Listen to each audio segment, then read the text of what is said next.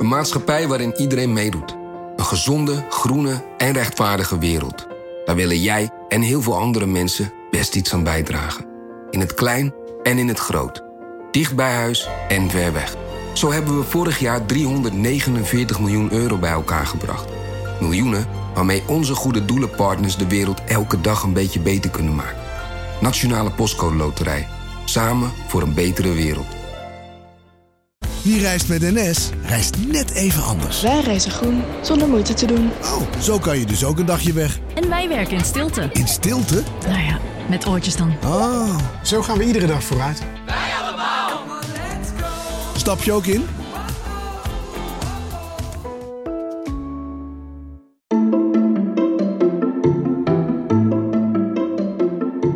Welkom.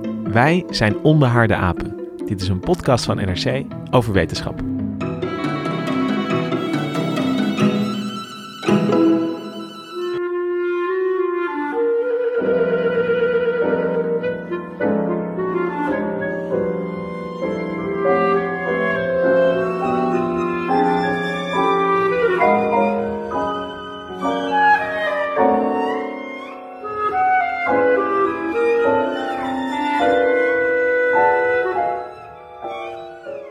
Hier een kort stukje uit Quator pour la fin du temps van de Franse componist Olivier Messiaen. Olivier Messiaen schreef dit eh, kwartet in 1941. Eh, het heet het kwartet voor het einde van de tijd. Hij was ook eh Duits krijgsgevangene in die tijd. Maar Messiaen liet zich nogal inspireren door priemgetallen. En dat is het onderwerp van de podcast van vandaag. Priemgetallen. Wat zijn het en waarom zijn ze zo interessant? En om over priemgetallen te praten is hier vandaag aangeschoven Alex van den Brandhof. Vertel even kort eh, wie je bent en wat je doet en waarom jij veel over priemgetallen weet. Ja, ik geef wiskunde op een school in Basel in Zwitserland en ik schrijf over wiskunde, onder andere voor NRC. Ja, precies. Dus als er eh, weer een nieuw priemgetalrecord is gebroken, dan mogen we altijd eh, op een stukje van jouw hand rekenen. Ja, ik denk dan altijd moeten we dat wel weer doen, want die stukjes zijn eigenlijk altijd een beetje hetzelfde. Maar eh, het zijn stukjes die toch eh, best gretig worden gedeeld op sociale media, vinden mensen gewoon leuk. Ja, en aan tafel zit ook Ellen de Bruin, Ja, hallo. eh psychologieredacteur. Maar op een blauwe maandag heb jij ook wiskunde gestudeerd, heb ja, ik net gehoord. op eh, 52 blauwe maandagen ongeveer. Ik heb mijn propeduise wiskunde gehaald. Heel lang geleden. En wat is je favoriete priemgetal? Eh, ja, zeven. Ja, snap ik. ja. Goeie keus. Eh, Alex, hoe zat het ook alweer met eh Messiaen en de priemgetallen? Want, want we hoorden daarnet eh, dat fragment. Hoe zitten de priemgetallen in de muziek? Hij heeft de eh priemgetallen 17 en 29 gebruikt om een soort tijdloosheid te creëren. Want het gaat vooral om de pianopartij hier. Eh, de piano eh, heeft een reeks van eh 29 akkoorden die zich steeds herhaalt. Dus je hebt 29 akkoorden. Eh, als die reeks voorbij is, dan eh, begint dat weer opnieuw. En eh, er is een ritmische structuur. Die ritmische structuur bestaat uit 17 klanken. Als die 17 klanken van die ritmische structuur voorbij is, dan zijn die 29 akkoorden eh, van die eh, akkoordenreeks nog, nog niet voorbij. En dat hele stuk begint zich pas te herhalen bij 17 keer 29. Zo is het. Pas na 4, en dat is 493, dat hele stuk begint zich dus pas te herhalen na 493 eh, tonen. En dan is het ook nog bezig. Dan is het Eh, niet dan al is het, afgelopen. eh, dat wordt niet eens gehaald, want het is alleen maar het eerste deel. Dus niet zo'n heel erg lang deel. Dat hele stuk duurt wel drie kwartier, maar het eerste deel duurt maar eh, drie minuten. Eh, maar eh, binnen die drie minuten worden die 493 tonen niet, eh, al- wordt het einde niet gehaald. Dus daardoor wordt een soort echt een eindeloosheid gecreëerd. Dus priemgetallen als, als ingrediënt voor een soort onherhaalbaarheid in het muziekstuk. Ja. Ja. Ja, Alex, we hadden je eigenlijk voor aflevering 47 bedacht. Maar je zit nu in aflevering 45 van Ja, Onbehaarde ik had me al helemaal voorbereid op eh, getal 47, Ja. 47ste aflevering. Eh, want 47 is een, eh, is een veilig priemgetal. Een veilig is, priemgetal. Even, even mooi. om dat even uit te pakken. Een priemgetal betekent sowieso, eh 47 is dus alleen deelbaar door zichzelf en 1. Precies. En En daarmee daarmee- is het een priemgetal. Daarmee ben je priem. Zo is het. En een veilig priemgetal is een priemgetal met de volgende eigenschap. Als je er eentje vanaf trekt en dan de helft neemt, dan moet dat dan weer een priemgetal zijn. Dus 47 min 1 is 46. De helft is 23 en 23 is weer een priemgetal. En is 23 dan ook weer veilig? Eh, ja, ik geloof het wel, want 22 door 2 is elf. 11. ja. Ja. En dat ook weer trouwens, eh 10 gedeeld door 2 is 5. Dat is ook weer veilig, want 4 gedeeld door 2 is 2. Nou dan zijn we Je aan komt het begin van de priemgetallen. Priemgetallen zijn, eh, nou ja, nou ja, we hebben net al de definitie gegeven. Ze zijn alleen deelbaar door zichzelf en deelbaar door één. Er is een fascinatie voor priemgetallen, want steeds als er een, een, een groot priemgetal is, dan, dan schrijven we dat op. Mag ik nog even iets vertellen over Ja. 45? Want Alex was zo teleurgesteld dat, eh, dat 47 niet eh, het nummer van deze podcast was. Maar ik wil toch ook nog even een lans breken voor 45. Want dat is eigenlijk, als je alle getallen van 0 tot met 9 bij elkaar optelt, dan krijg je 45. Dat vind ik dus heel gaaf. Ja. Het heeft verder niets met priemgetallen te maken, maar het is gewoon, dat vind ik gewoon grappig. Eigenlijk alle, als je alle cijfers die we hebben, 0, 1, 2, 3 tot en met 9 optelt, heb je 45. Hoe mooi kan het worden? Ja, leuke eigenschap. Had ik even niet aan gedacht. Wat ook leuk is, eh, dus dat maakt het ook, ook goed, dat we in de aflevering 45 zitten. Het is een, ehm een Harshad-getal. Kennen jullie dat? Harsat, nee. Eh, dat, komt uit het, eh, dat woord komt uit het Sanskriet en het betekent zoiets als blijdschap of vreugde. En eh, nou, wanneer is een getal nou eh, een Harshad-getal? Als je de cijfers van het getal bij elkaar optelt, dan eh, is de uitkomst een deler van dat getal. Dus 45 heeft de cijfers 4 en 5. 4 plus 5 is 9. 45 kun je En delen. 45 kun je inderdaad delen door 9. Nou, dit is- Nou, nog, nog eentje dan, want 45 is ook een Caprecar getal. Eh, als je 45 kwadrateert, krijg je 2025. Ja. En als je 2025, als je daar gewoon een streep, als je het opschrijft en je doet een verticale streep in het midden, krijg je 20 en 25. Die tel je bij elkaar op. Oh. En dan heb je Ja. 45. Oh, mooie nou, eigenschappen. dat is toch heel gezellig. Zeker. dat, eh, het zijn ook allemaal veilige en vrolijke, eh, of blijd, getallen met blijdschap. Het geeft aan hoe ge- gezellig de wiskunde kan zijn. En zeker dit soort getallenwiskunde, denk ik. Maar vandaag gaan we het hebben over dat hele bijzondere groepje eh priemgetallen. Eh, 47 is dus eh, zo'n priemgetal. Er zijn heel veel priemgetallen.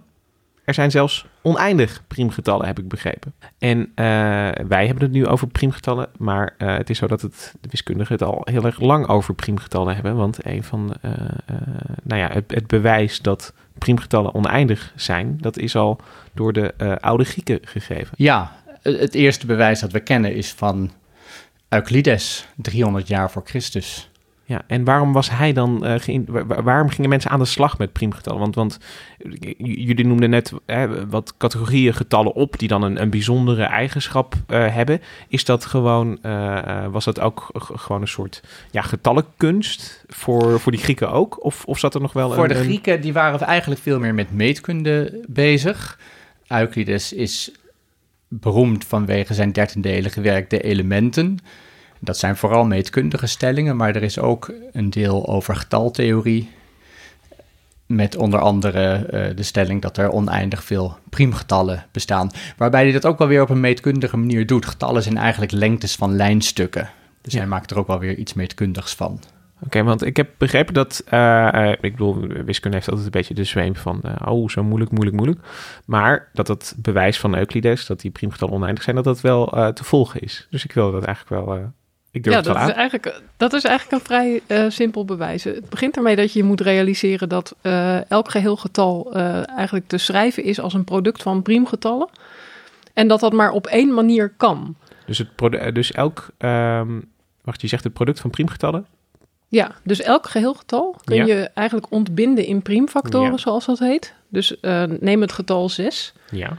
Dat kun je schrijven als 2 keer 3. Ja. En dat kun je op niet een andere manier schrijven als een product van priemgetallen. Dat is de enige manier waarop dat kan. En dat is voor elk getal is het waar. Voor elk getal geldt dat. Oké. Dus 10 is 2 keer 5. Nou ja, je kunt, eh, bij elk getal kun je het eh, doen. Ja. 45 bijvoorbeeld is 3 keer 3 keer 5. Oh, dus je mag ook, eh, het mogen ook meer priemgetallen zijn. Ja. ja. Ja, ja.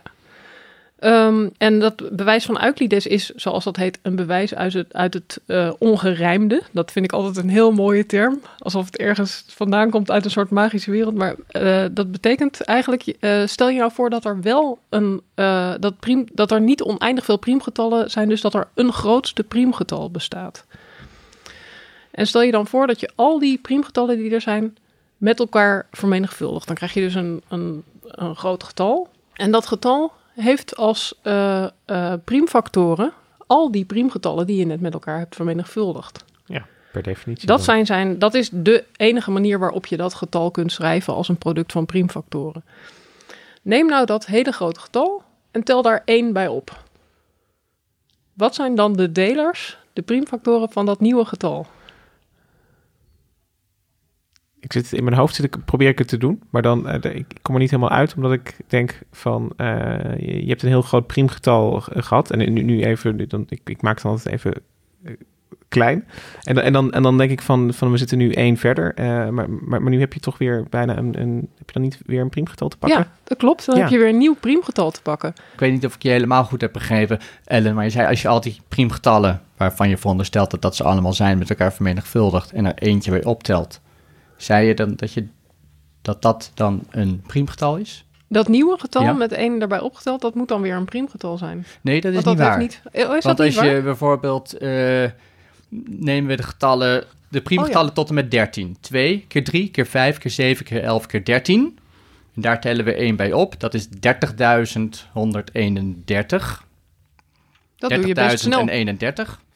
Heb je dat zo En, hier even aan tafel? Eh, nou, nee, ik heb dat. dat nou, dit, dit is wel een bekend eh, voorbeeld, omdat eh, bij 13 gaat het voor het eerst mis, zeg maar, dat, je, dat die uitkomst niet opnieuw een priemgetal is. Dus als ik. Ik maak het even nog nee, kleiner. Het is, niet, het is inderdaad niet opnieuw een priemgetal, maar het is, je kunt het niet eh, eh, on- op die manier ontbinden in Nee, priemfactoren. precies. Je hebt andere ja, priem je hebt andere factoren priemfactoren nodig. nodig. Dat Want is dat het. 30.031, dat is vij- 59 keer 509. Nou, en 59 en 509 zijn twee priemgetallen die niet in ons lijstje zaten van 2 tot en met 13. Je komt altijd op eh, eh, pri- nieuwe priemfactoren uit die, die hoger Ja, zijn dus dan... hoger de uitkomst van dat product plus 1 is ofwel Hmm. een priemgetal. Nou ja, dan heb je een priemgetal gevonden dat niet in je eindige lijst zit.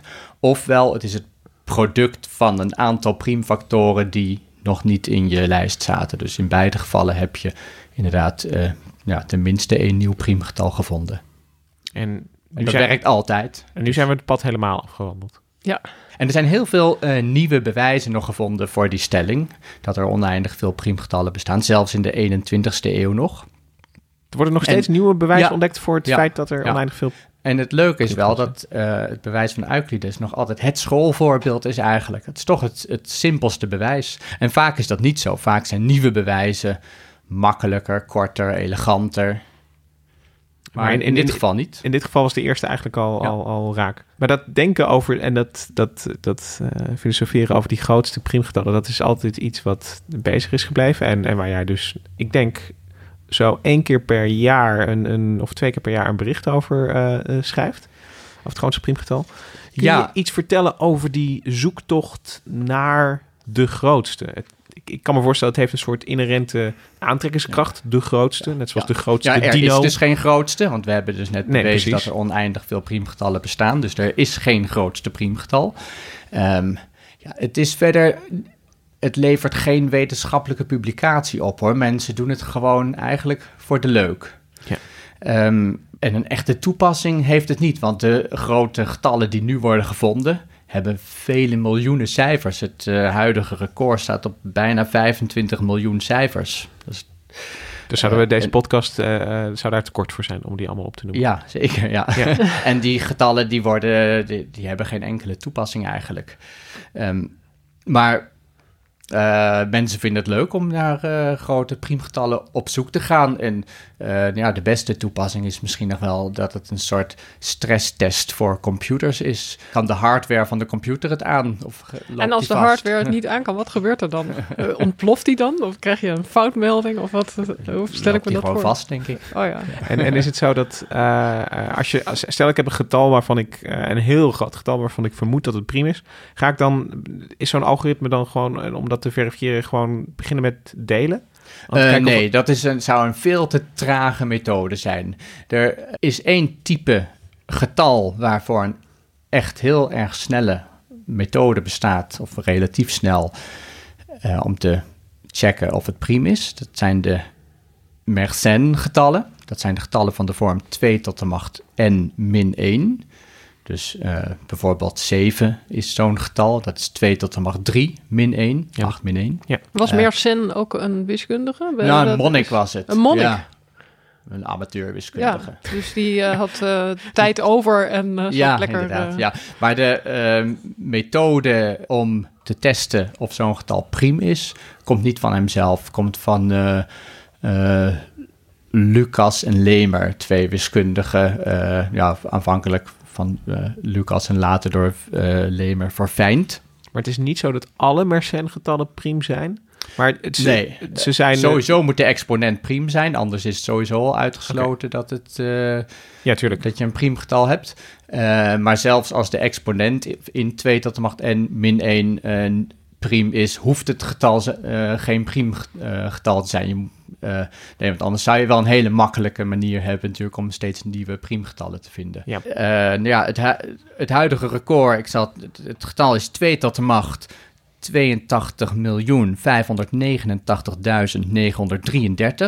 min 1. En dat getal heeft bijna 25 miljoen cijfers. Het is het 51ste Mersenne priemgetal. En ehm, Dat is Ja. ook wel opvallend, want het 51ste, dat is eigenlijk... eh, nou ja, dat, dat zijn, we, heb- we hebben er dus nog niet zoveel. En dan zit je Nee. toch al in zulke grote getallen. Ja. Dus dat is heel ver weg voor mijn gevoel. eh, van, d- ja, denkend dat wij niet hier een beetje zitten te prutsen bij de 0 en de 1 in de buurt. Je zit er heel... Ja, je zit echt op is- een, een, een astronomisch verre afstand van op, op die getallenlijn al. zeker, ja, ja. Dat is ook al, da- daar wil ik het toch ook nog even over hebben. Want jij hebt een boek geschreven dat heet Priemwoestijnen. Toen ik het hoofdstuk daarin las over priemwoestijnen, toen begon het me echt te duizelen van eh, hoe, eh, hoe- hoe, hoe grote getallen er kunnen bestaan überhaupt. De priemwoestijnen zijn dan stukjes op de getallenlijn waar een tijdje eh, geen enkel priemgetal voorkomt. En daar stond in, als ik me goed herinner, dat er, eh, dat, dat er geen maximum zit eigenlijk aan de lengte van dat soort stukjes. Dus dat die, Nou, eh, je kunt inderdaad een priemwoestijn maken eh, van willekeurige lengte. Dus een... eh, maken. een- ja, Vinden. construeren, Opzoeken. vinden. Ja, Ja. ja. Jij, jij spreekt over zit- maken, maar ik denk over vinden. Want, want in principe ligt ja, getallenlijn oh, er toch? Ja, is waar. Ja, Maar ja. ik- ik weet niet Jij hoe- drukt je beter uit, Lucas. Nee, ik weet niet hoe, Ja, hoe ja. maakbaar de wereld is voor een wiskundige. Nee, maar eh, een priemwoestijn van lengte 1000, dus dat zijn duizend achtereenvolgende getallen, waarvan geen enkel getal priem is, bestaat. En En van een miljoen dus we ook. zelf- ja, ook van een miljoen. Ja, En ook van eh, lengte Graham's number, dat is een heel groot getal. Of 3-3, dat is eh, helemaal duizelingwekkend. want zit er, zit er een, een maximum aan de lengte van priemwoestijnen? Nee, Dat, en dat vind ik dus, dat, dat is echt mindblowing wat En dat mij is betreft. bewezen. Eh, ja, Ja, dit is wel bewezen. ja. want er zitten, de, eh, eigenlijk, de, nou ja, het aantal natuurlijke getallen, eh, het eh, positieve gehele getallen is oneindig. Het aantal priemgetallen is oneindig. En daarin heb je dus ook nog stukken op die getallenlijn. Oneindig lang eigenlijk. Waar Nou, niet oneindig lang, Of- wel of eindig in een lang, andere maar vorm. zo lang als je maar wilt. Ja, zolang als je maar wilt. Maar wel eindig. Ja, Maar zolang als je maar wilt. Eh, dus er zit geen maximum aan de lengte van Nee. een priemwoestijn. Dus Nee. in zekere zin... is niet misschien maximaal is dat dan- 10.000 of zo. Ja. Nee. Maar m- misschien is dat dan een andere orde van oneindigheid. Maar in zekere zin kunnen die dus oneindig lang worden. Of Nou, kan je dat niet zeggen? nee, dat kun je niet zeggen. Ze kunnen niet oneindig lang worden. Er zit Ze alleen geen maximum willekeurig aan. lang worden. Ja. Maar dat is toch net even iets anders. Oké. Ehm, dus als er een bovengrens zou zijn, dan zou die bovengrens bijvoorbeeld eh 1000 kunnen zijn. Maar nee, er bestaan priemwoestijnen van lengte 1001. En Ja. als er een andere bovengrens zou zijn, een eindige bovengrens, nee, er zijn priemwoestijnen die langer zijn. Maar dit soort... Maar het, eh, het houdt een keer op met die priemwoestijn, want er zijn oneindig veel priemgetallen. Er komt weer een keer een priemgetal. Ja. Er komt er weer een keertje één, maar ze zijn heel zeldzaam. En om iets van die eh, vreugde te proeven als eh, iemand een, een, een groot priemgetal heeft gevonden, kunnen we even luisteren naar eh, Matt Parker, die niet het ge- priemgetal dat jij net noemde, Alex, met eh, de exponent eh, eh, 82 eh, miljoen, maar met een exponent 74 miljoen in die orde, liet uitprinten en eh, naar hem toe liet sturen.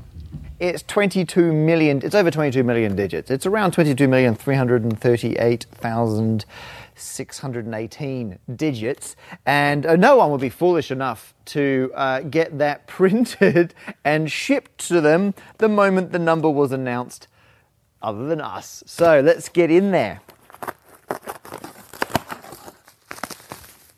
There it is, there it is. This is the new world record. Look at that. That is 2 to the power of 74 million, 207,281 minus 1. These are the digits. Volume 2. Volume 2 of 3. So there's...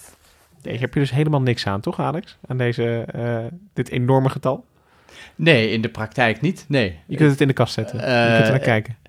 Het is, uh, het is gewoon leuk. net als dat tv-programma's worden gemaakt die geen enkel ander doel dienen dan vermaak. Ja. en, en dan nog even om te zeggen, want we hebben niet. Uh, je hebt wel gezegd dat, die, uh, dat er van die Mersenne-getallen een, een, makkelijke manier is om te checken of ze priem zijn, maar dat hebben we nog niet helemaal uh, verkend. Kun je daar iets over zeggen waarom, waarom deze getallen zo fijn, nou, ma er... makkelijker dan delen door alle getallen die je kent, zeg maar?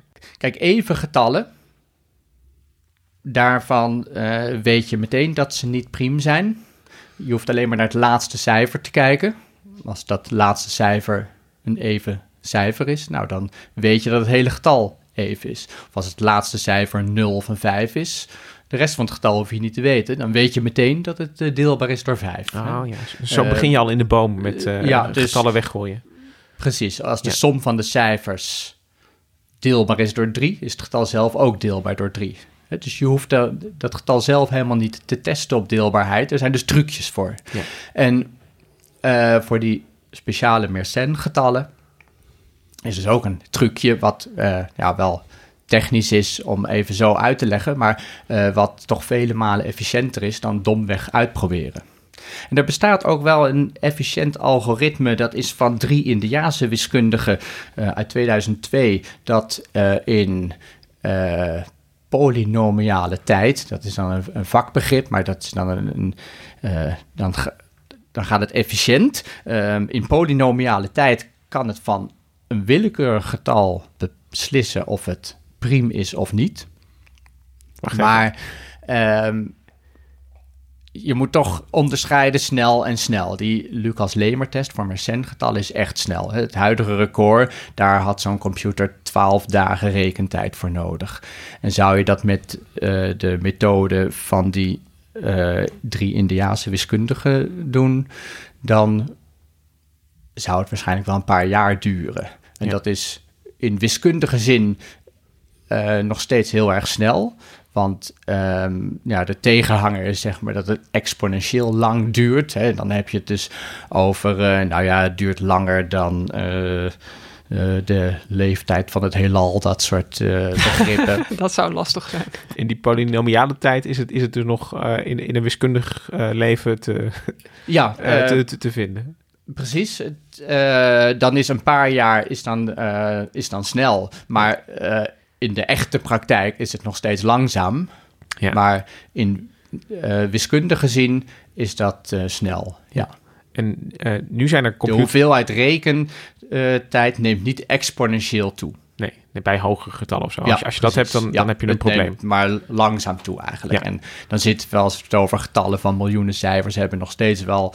Uh, dus met een rekentijd van een paar jaar, maar uh, het groeit niet exponentieel hard, die rekentijd. Nee. Is dit eigenlijk ook iets waar mensen thuis hun computers beschikbaar voor stellen, zodat ze mee kunnen rekenen? Zeker, ja, dat, dat gebeurt. Uh, het, die Mersenne-getallen, die worden gewoon door particulieren gevonden. Er is een project KIMS, Great Internet Mersenne Primes uh, Search. Uh, daar kun je je aanmelden en dan krijg je zo'n groot getal.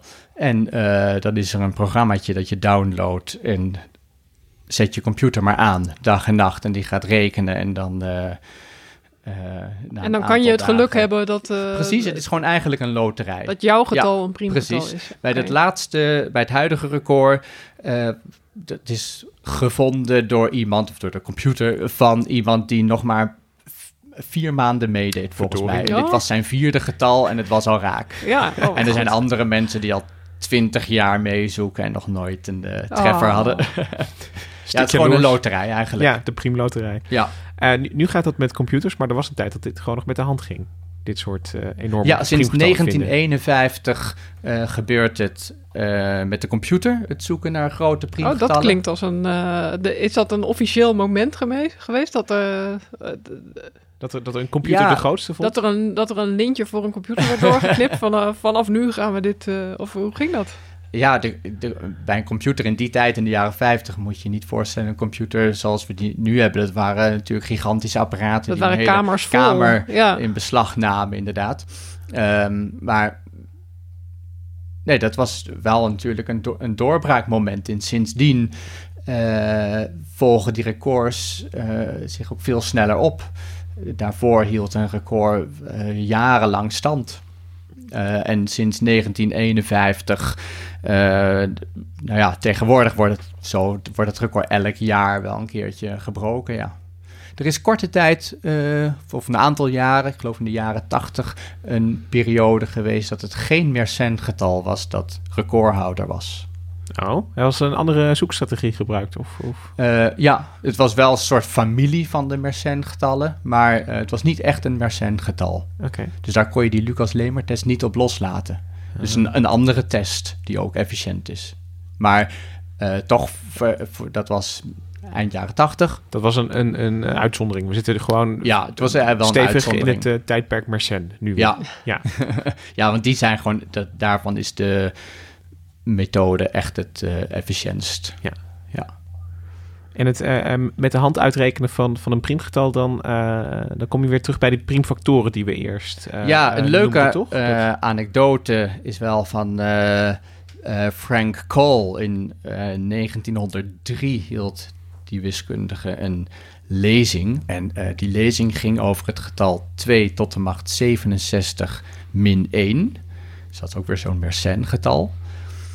Dat getal heeft 21 cijfers en er werd tot die tijd gedacht dat dat een priemgetal is. Mersenne had zelf geloof ik gezegd dat dat een priemgetal was. Ja, toch? dat zou hij had het kunnen, aangewezen. Ja, ja, dacht ik. Of hij vermoedde het in elk geval. Maar wat deed deze Cole? Hij uh, stond daar in die zaal voor een schoolbord met een krijtje en hij schreef 2 tot de macht 67 uh, min 1 op. En hij ging met de hand ging je dat uitrekenen. Dus 2 tot de macht 67 betekent 2 keer 2 keer 2 keer 2 enzovoorts. 67 factoren 2, dus je moet dat steeds verdubbelen. 2, 4, 8, 16. Dat deed hij met de hand. En uh, zo kwam hij uiteindelijk op een getal van 21 cijfers. Hij trok er eentje vanaf. Nou, dat uh, resultaat dat is een makkelijke som. Ja, dat, een, dat duurt natuurlijk even om het allemaal uit te rekenen, maar uh, het, is, het, is, wel te doen. Je ja. moet gewoon steeds die getallen verdubbelen. En ja, die getallen worden wel groot, maar nou ja, met 20 cijfers uh, en dat verdubbelen. En hij had is met middag... de hand nog prima te doen. Ja, precies. Ja. Dus, en hij had, het, uh, hij had het thuis natuurlijk ook al gedaan. Dus ja, hij wist uh, waar hij op uit zeker, moest komen. Hij wist waar hij op, op uit, uit, moest komen. Nou, in een hoekje van het uh, bord liet hij het resultaat staan. De rest veegde hij uit. En toen schreef hij twee andere uh, getallen op het bord. Een getal van negen cijfers en een getal van twaalf cijfers. En die twee getallen vermenigvuldigde hij met elkaar ook gewoon handmatig, zoals we dat uh, op de basisschool ook leren. Nou, dat is natuurlijk ook nog wel een, uh, een klus, maar wel te doen met de hand. Het duurt even en dat werkte die echt gewoon zorgvuldig uit. Het publiek kon de rekenstappen gewoon uh, volgen. En aan het eind, dat product van die twee getallen, was exact hetzelfde als wat hij eerder had berekend. 2 tot de macht 67 min 1. Dus daar verdampte dus het getal.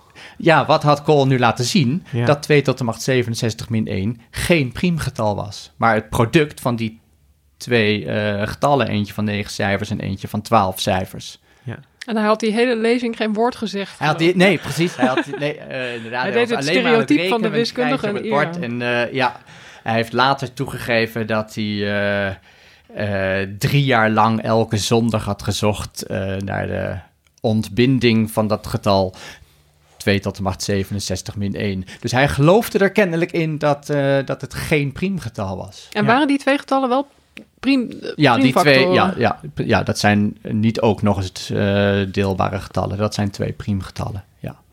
Uh, we gaan het uh, straks nog even hebben over het allergrootste onbewezen raadsel uh, als het gaat om priemgetallen. Maar voordat we dat gaan doen, staan we nog heel even kort stil bij eh, toch wat nou ja, praktische inzichten of toepassingen die priemgetallen Ja. kunnen eh, hebben, Alex. En, en eh, je zei het net al even, misschien het leukste voorbeeld is wel dat versleutelen of coderen van informatie. Daarbij kunnen priemgetallen een grote rol spelen. Ja, ehm, Hardy, een groot wis- Britse wiskundige, eerste helft 20e eeuw, die zei getaltheorie, in het bijzonder de theorie van priemgetallen, is nergens goed voor. Hij ging daar zelfs eh, prat op. Hij, ik citeer hem eventjes. Hij eh, zei... Ik heb nooit iets nuttigs gedaan. Geen enkele ontdekking van mij heeft direct of indirect enig verschil gemaakt. En ze zal dat denkelijk ook niet doen. Voor de leefbaarheid van de wereld en voor wat er goed of slecht in is. Dus, dus Maar- hij zette eigenlijk eh, eh, de, de, de, hele eh, getallentheorie, dus, dus al, al, al waar we het eigenlijk hier al een half uur over hebben, eh, dat zette hij eigenlijk een beetje eh, weg als spielerij. Nou, Ja, hij vond het fijn dat het, het ging dat het om de pure schoonheid. Ja. Ja. Oh, het heeft het, ja, het is goed dat het geen functie heeft, Ja. juist. Ja. Ja. Ja. hij was daar heel trots op. Hij was daar heel trots op, ja. ja. Maar nu zijn juist de priemgetallen onmisbaar in de cryptografie. Stel ik wil dat Ellen mij een eh, bericht stuurt. Of Ellen wil mij een bericht sturen. Maar het mag alleen ik weten wat daar de inhoud van is. Dus eh, dat moet op een eh, veilige manier tot mij komen. Nou, hoe kan Ellen nou zo'n bericht aan mij versturen zonder dat dat door iemand onderschept wordt? Versleuteld, denk ik dan meteen. Ja, jij moet dat versleutelen. En hoe ga je dat versleutelen op zo'n manier dat ik het dan toch kan openmaken? Nou, ik geef jou eh, een eh, getal, jou Ellen. Ehm, ik neem twee getallen in mijn hoofd, twee priemgetallen. En die vermenigvuldig ik met elkaar. Die twee getallen die ik in mijn hoofd, dat die zeg ik niet. Maar ik geef je wel de uitkomst van die vermenigvuldiging. Dus ik zeg eh 21. Nou, nu ga jij jouw bericht ja, ja, in, coderen in, de, in, in, cijfers. En met dat getal 21 ga je dat versleutelen. En hoe dat versleutelen dan precies gaat, dat is dan eh, een beetje technisch dat voor de grote lijn er niet zo toe doet. Maar jij hebt het nu met dat getal 21 dat ik jou heb gegeven, heb jij jouw bericht versleuteld en je stuurt het aan mij. Maar ehm, nu is Lucas eh, op de lijn gekomen en hij eh, dat bericht mee. onderschept. Al de hele tijd. Ja, en die 21 heb ik hier gewoon luid genoemd. Maar ja, jij bent niet gek. Jij weet wel welke priemgetallen ik in mijn hoofd had. Ik denk eh drie en zeven. Ja, 3 keer 7 is 21. Dus jij kunt dat bericht nu ook eh, lezen. Want om dat, om dat bericht van Ellen te decoderen, te ontcijferen, heb je die twee priemfactoren van 21 nodig. En dan kun je het decoderen. En dat lukt jou nu dus ook, Lucas. Maar als ik nu niet 3 en 7 had genomen, maar twee hele grote getallen. En dan hebben we het niet over die recordpriemen die nu worden gevonden hoor. Eh, getallen van een paar honderd cijfers, dat is groot genoeg. Die vermenigvuldig ik met elkaar. Dat is op zich een fluitje van een cent. Dat gaat heel makkelijk. Het product geef ik weer aan Ellen. Zij voert weer die eh, procedure uit met versleutelen. Dat product heeft misschien Lucas wel gehoord, maar nu maak jij geen schijn van kans om het eh, te decoderen. Al heb je een mooie computer tot je beschikking, dat getal is veel te groot om. Want de rekentijd die ik heb nodig heb om het weer te ontbinden in, in factoren, dat dan, eh, eh, die, die groeit me boven het hoofd. Moet ik het zo zien? Exact, zo is het. Er we kennen geen efficiënt algoritme om grote getallen in priemfactoren te ontbinden. Hmm. En dat is de... eh, En juist omdat we zo'n algoritme niet hebben, Ja.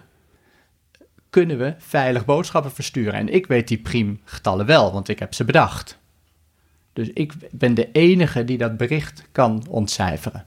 En is het zo dat... eh, eh, en je hoeft dus niet de, die twee priemgetallen aan, aan Ellen in dit Nee, geval te, het te gaat, communiceren. zij heeft om het te Versleutelen? cijferen, om het te versleutelen, heeft ze alleen maar heeft ze genoeg aan het product van die twee priemgetallen. Maar om het slot eraf te halen, heb je wel de, ja, de, de ingrediënten En banken hebben ook zo'n eh, groot getal dat ze gebruiken. Hè? Dat grote getal is geloof ik zelfs openbaar. Dat, eh, Ja, precies. Dat is dus die 21 die Ja. ik noemde. Dat is Ja. dus inderdaad eh, openbaar. Dat mag iedereen weten. Maar wat dan de eh, de twee priemfactoren zijn die daaronder zitten. Die, Ik stel me eh, dan wel voor dat de zware jongens uit Donald Duck... dat die dan dat, eh, die, die bankgetallen allemaal hebben... en dat ze dan thuis gaan proberen om daar de priemfactoren... de ontbinding in priemfactoren van te berekenen. Want als je hem hebt, dan ben je binnen, toch? Ja. Of niet?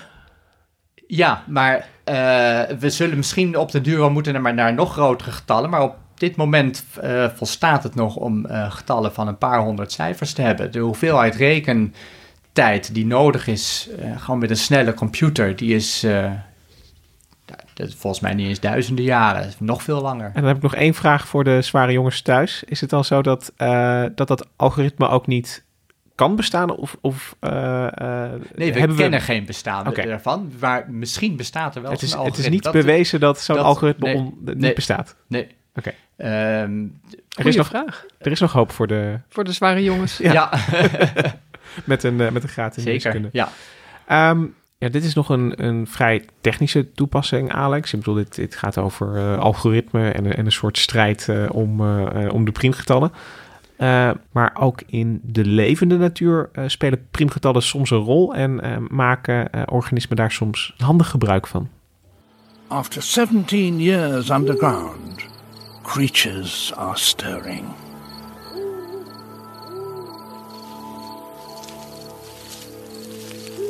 The nymphs of the periodical cicada have been biding their time.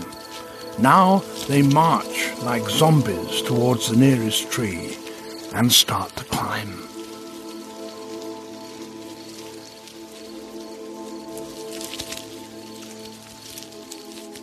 At first, there are merely thousands, but soon more than a billion swarm all over the forest.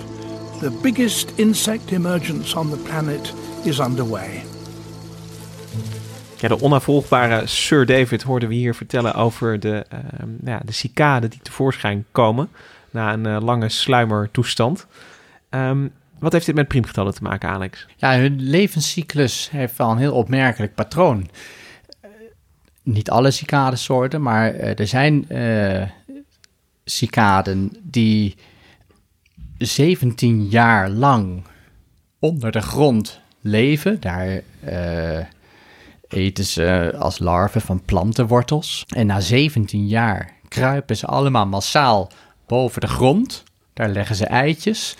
En eh, dan ontstaat de, de volgende generatie cicaden. En zodra eh, de, eieren uitkomen, kruipen ze weer in de grond om zich daar 17 jaar schuil te houden. En dan komen ze weer boven. En dat is wel heel opmerkelijk. Er zijn ook eh cicadesoorten die zo'n cyclus van 13 jaar hebben. En wat valt nou op? 13 jaar, 17 jaar. Dat zijn dus priemgetallen. priemgetallen. Ja, Dat is vast met een reden.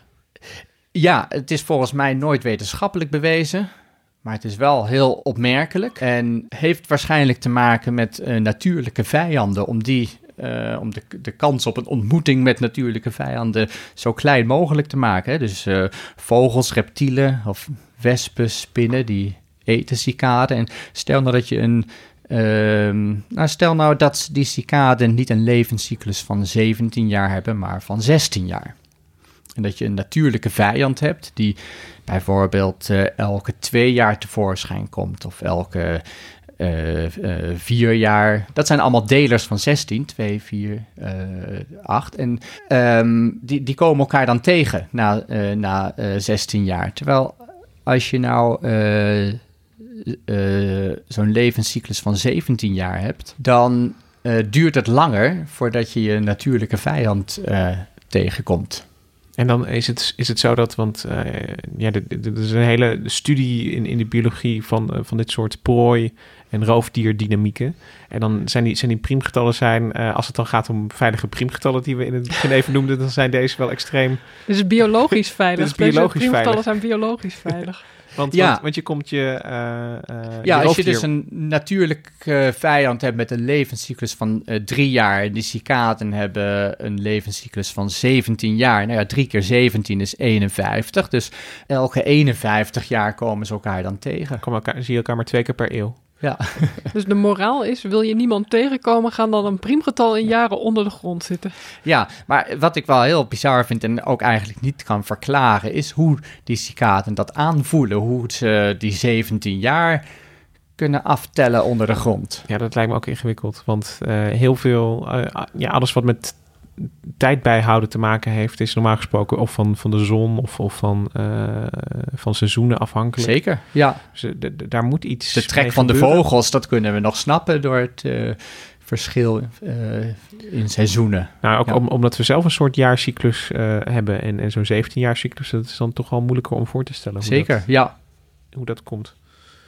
Oké, okay, dus zelfs, uh, zelfs in de biologie komen die priemgetallen uh, soms op onverwachte plekken uh, letterlijk Ja. naar boven.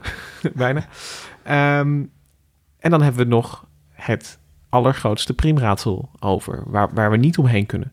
En dat is de Riemann-hypothese, Alex. Ja, de Riemann-hypothese is het grootste onopgeloste probleem in de wiskunde. Als je een willekeurige wiskundige vraagt wat is het grootste open probleem in de wiskunde, dan antwoordt hij de Riemann-hypothese. Vraag naar de nummer 2 en je krijgt uiteenlopende antwoorden, maar De nummer, de de nummer één 1 is duidelijk, de, ja, is de. Riemann-hypothese. Ja. Ja, je kunt zelfs rijk worden als je de, uh, de Riemann-hypothese uh, weet op te lossen. Uh, can I ask you a question, Brady? What is the most difficult way to uh, earn a million dollars? Making YouTube videos. One of the most difficult ones is to solve one of the millennium problems in mathematics, which were set by uh, the Clay Mathematical Institute in the year 2000. One of these problems is called the Riemann hypothesis, and it refers to a work of a German mathematician Bernhard Riemann, which he did in, uh, in the year 1859. So this is just one of the problems. In fact, there are seven, and only one of them has been solved so far. And interestingly enough, the person who solved the problem has declined the $1 million. So uh, it just shows that mathematicians work on these problems not because they want to make some money. Ja, wiskundigen zijn over het algemeen niet rijk, maar als je uh, Riemann weet uh, te, te, te, vangen in je web, dan, uh, dan krijg je een aanzienlijk bedrag overgemaakt. Ja, een miljoen, juist veel. Ja, ja, voor wis ja. ja, dat weet ik niet. Dat weten wiskundigen beter dan ik. Voor journalisten en wiskundigen zou het best veel kunnen zijn. Maar, maar goed, er is ook al een wiskundige die het geweigerd heeft. Ja, dat hoorden we net ook. Dat ja. zei Edward Frankel, die verhoorden we net in een YouTube, op een numberfile YouTube-kanaal.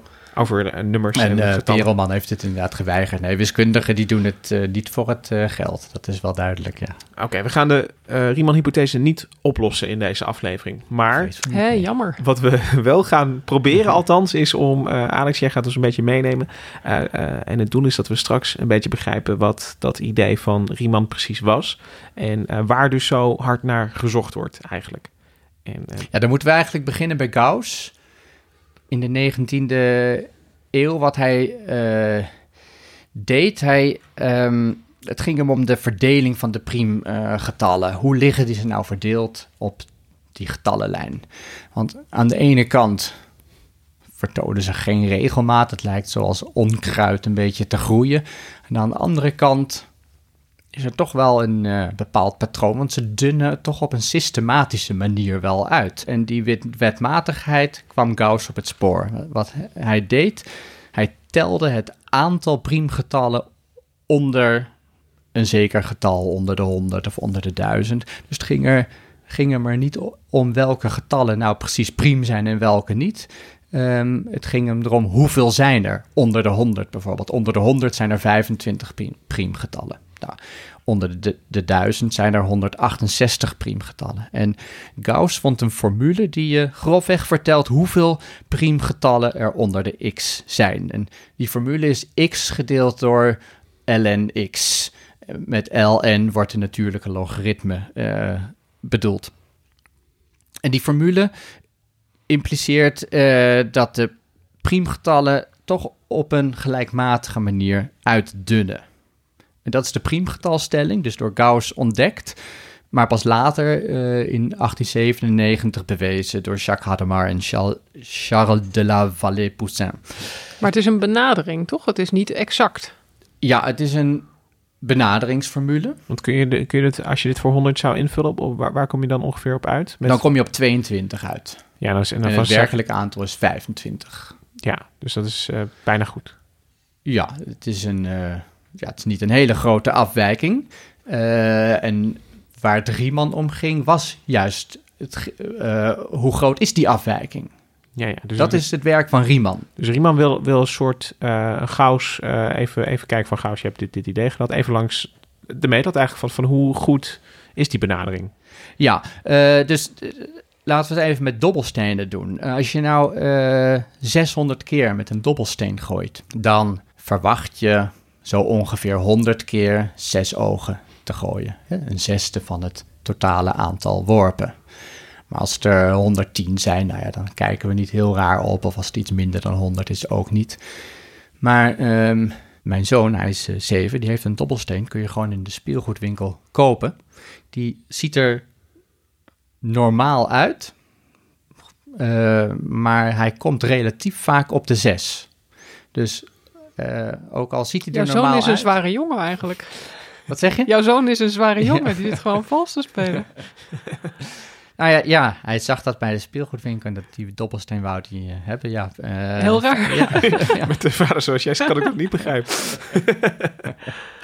Ehm, ik weet niet precies hoe dat eh, ge- gedaan is, maar hij is dus niet helemaal homogeen, die dobbelsteen. Hoewel hij er van buiten gewoon helemaal zuiver uitziet. Maar hij is denk ik aan de kant van de 1, hè, dat is het tegenover de 6, misschien iets verzwaard, waardoor die 1 wat vaker beneden komt. En dan landt de dobbelsteen dus iets vaker op de 6. Hij landt zeker niet altijd op de 6, maar wel vaker dan gemiddeld. En ehm, die dobbelsteen is dus onzuiver. Als je dus daarmee gooit en je zes- 600 keer en eh, hij komt 200 keer op de 6, dan vind je dat wel verdacht. Dan zeg je, nou, die do- dobbelsteen die, eh, die deugt niet. Nou, en waar het Riemann eh, om ging was, ehm, hoe zijn die hoe zijn de priemgetallen dus verdeeld over de natuurlijke getallen? Die formule van Gauss, dat betekent eigenlijk het volgende. Een getal x heeft een kans van 1 op log x om priem te zijn. Hè, dus, eh, 1 op ln x dan. eigenlijk. ja, precies, de natuurlijke logaritme. Ja, Ja. precies. Ja, met log bedoel ik de natuurlijke logaritme, ja. Ehm, en als je nou 1000 invult, eh, die de logaritme van 1000 is ongeveer 7. Dus het getal 1000 heeft, als je met een dobbelsteen eh, bepaalt of een getal priem is, eh, heeft dus het getal 1000 een kans van 1 op 7 om priem te zijn. Ja, dus we weten dat het niet priem is. Want Nee, het is, natuurlijk eh, door, door van alles deelbaar. Precies. natuurlijk kan geen enkele dobbelsteen of roulette tafel of vaas met knikkers een getal als 1000 ondeelbaar maken. Eh 1000 is geen priemgetal, maar het ging dus om het aantal priemgetallen onder een zekere grens. En het gaat er niet precies om welke getallen nou Nee. priem zijn. Dus als je op deze manier, met deze dobbelsteen, eh, die met een kans van 1 op log x bepaalt of het getal x priem is, uh, als je op die manier van elk getal bepaalt of het priem is, dan krijg je niet precies de getallen eh, 2, 3, 5, 7, 11, 13 als priemgetal, maar je krijgt wel een verdeling die er heel erg op lijkt. Het, uh, het aantal priemgetallen onder de 100 zal niet erg afwijken van het werkelijke aantal priemgetallen onder de 100. En uh, de, het werk van Riemann gaat eigenlijk over de, de aard van die dobbelstenen. Zijn die zuiver of niet? En uh, als Hoe eerlijk Riemann, ja, dobbelt Gauss. Ja, precies. En als de Riemann-hypothese waar is, want de Riemann-hypothese is een uitgedrukt in een uh, zeta-functie, allemaal heel uh, abstract, maar als die dus waar is, dan zijn dus die dobbelstenen zuiver. Dan is dus de afwijking ten opzichte van de werkelijke priemgetalverdeling niet onnatuurlijk groot. Het kan wel een beetje afwijken, maar niet, uh, niet zoveel dat je moet twijfelen aan uh, de zuiverheid van uh, die dobbelstenen. Dus, dus als ik het even uh, probeer samen te vatten, even, even kijken of ik het goed begrijp. Heeft, heeft Riemann is, is, is, is gaan zitten met, met wat Gauss hem gegeven heeft, is daar mee aan de slag gegaan en heeft een hypothese geformuleerd die zou aanwijzen dat, dat Gauss eerlijk dobbelt. Dat, ja, dat de priemgetallen op een, en dat betekent dus dat de priemgetallen op een op een eerlijke manier in het uh, getallenuniversum uh, verdeeld liggen. En dan krijgen we dus iets dat er meer... geen voorkeursgebieden zijn of nee. uh, gebieden waar per se geen priemgetallen mogen voorkomen. Ja. En dan krijgen we toch ietsje meer grip op die oneindige reeks priemgetallen dan, dan we hadden. Ja, En, en wil je dat ook? Wil je ook dat die Riemann-hypothese eh, eh, bevestigd wordt? Of zou je het eigenlijk leuker vinden en spannender als die niet waar zou zijn? Nou, er zou wel veel wiskunde instorten als hij niet waar zou zijn. Er is trouwens geen wiskundige die denkt dat de Riemann-hypothese onwaar is, hoor.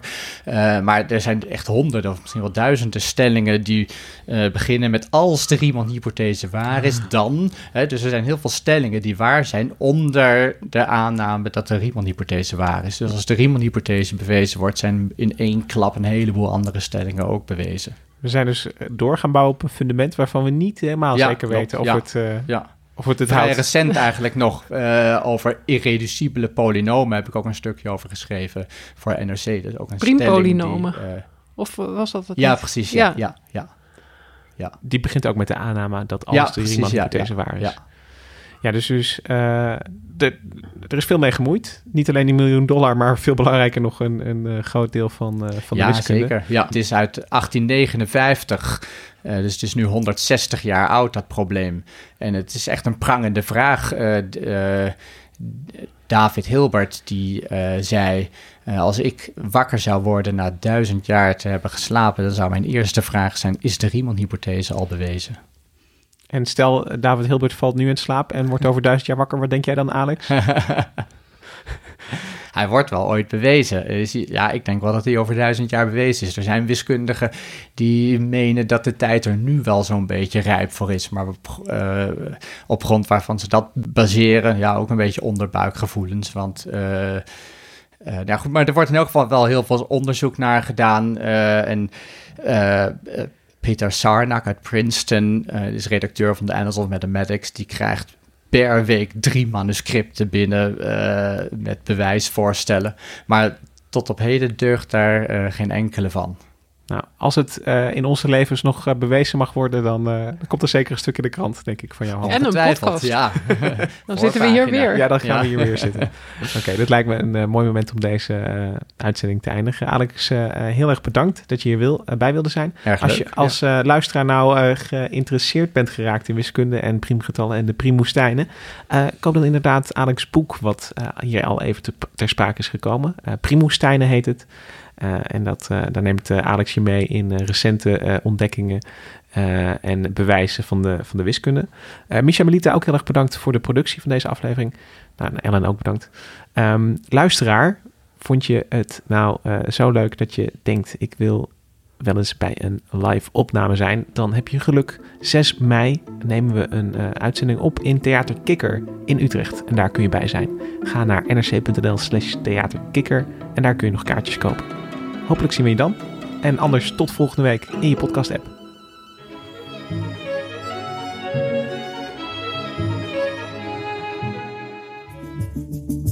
Vanaf de redactie van NRC het verhaal van vandaag. Mijn naam is Thomas Ruip.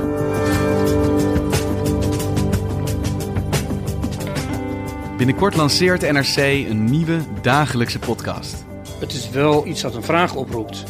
Vandaag. Nou, dan gebeurt er iets opmerkelijks. En als je vraagt waarom is dit verhaal belangrijk, dan is het omdat. Het is ongelooflijk wat er net is gebeurd. Ik spreek met onze beste journalisten.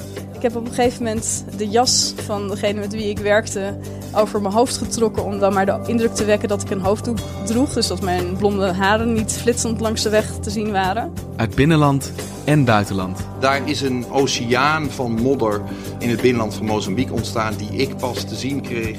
Je vindt ons straks op alle grote podcastkanalen. En op nrc.nl slash podcast vandaag. Er was een tijd dat hij met een hele grote kleermakerschaar op zak liep. En in de tram probeerde vlechten van meisjes met lang haar af te knippen. Wacht niet en abonneer je nu alvast op Vandaag. Zodat we 's ochtends als eerste in je app verschijnen. Eén verhaal, elke dag.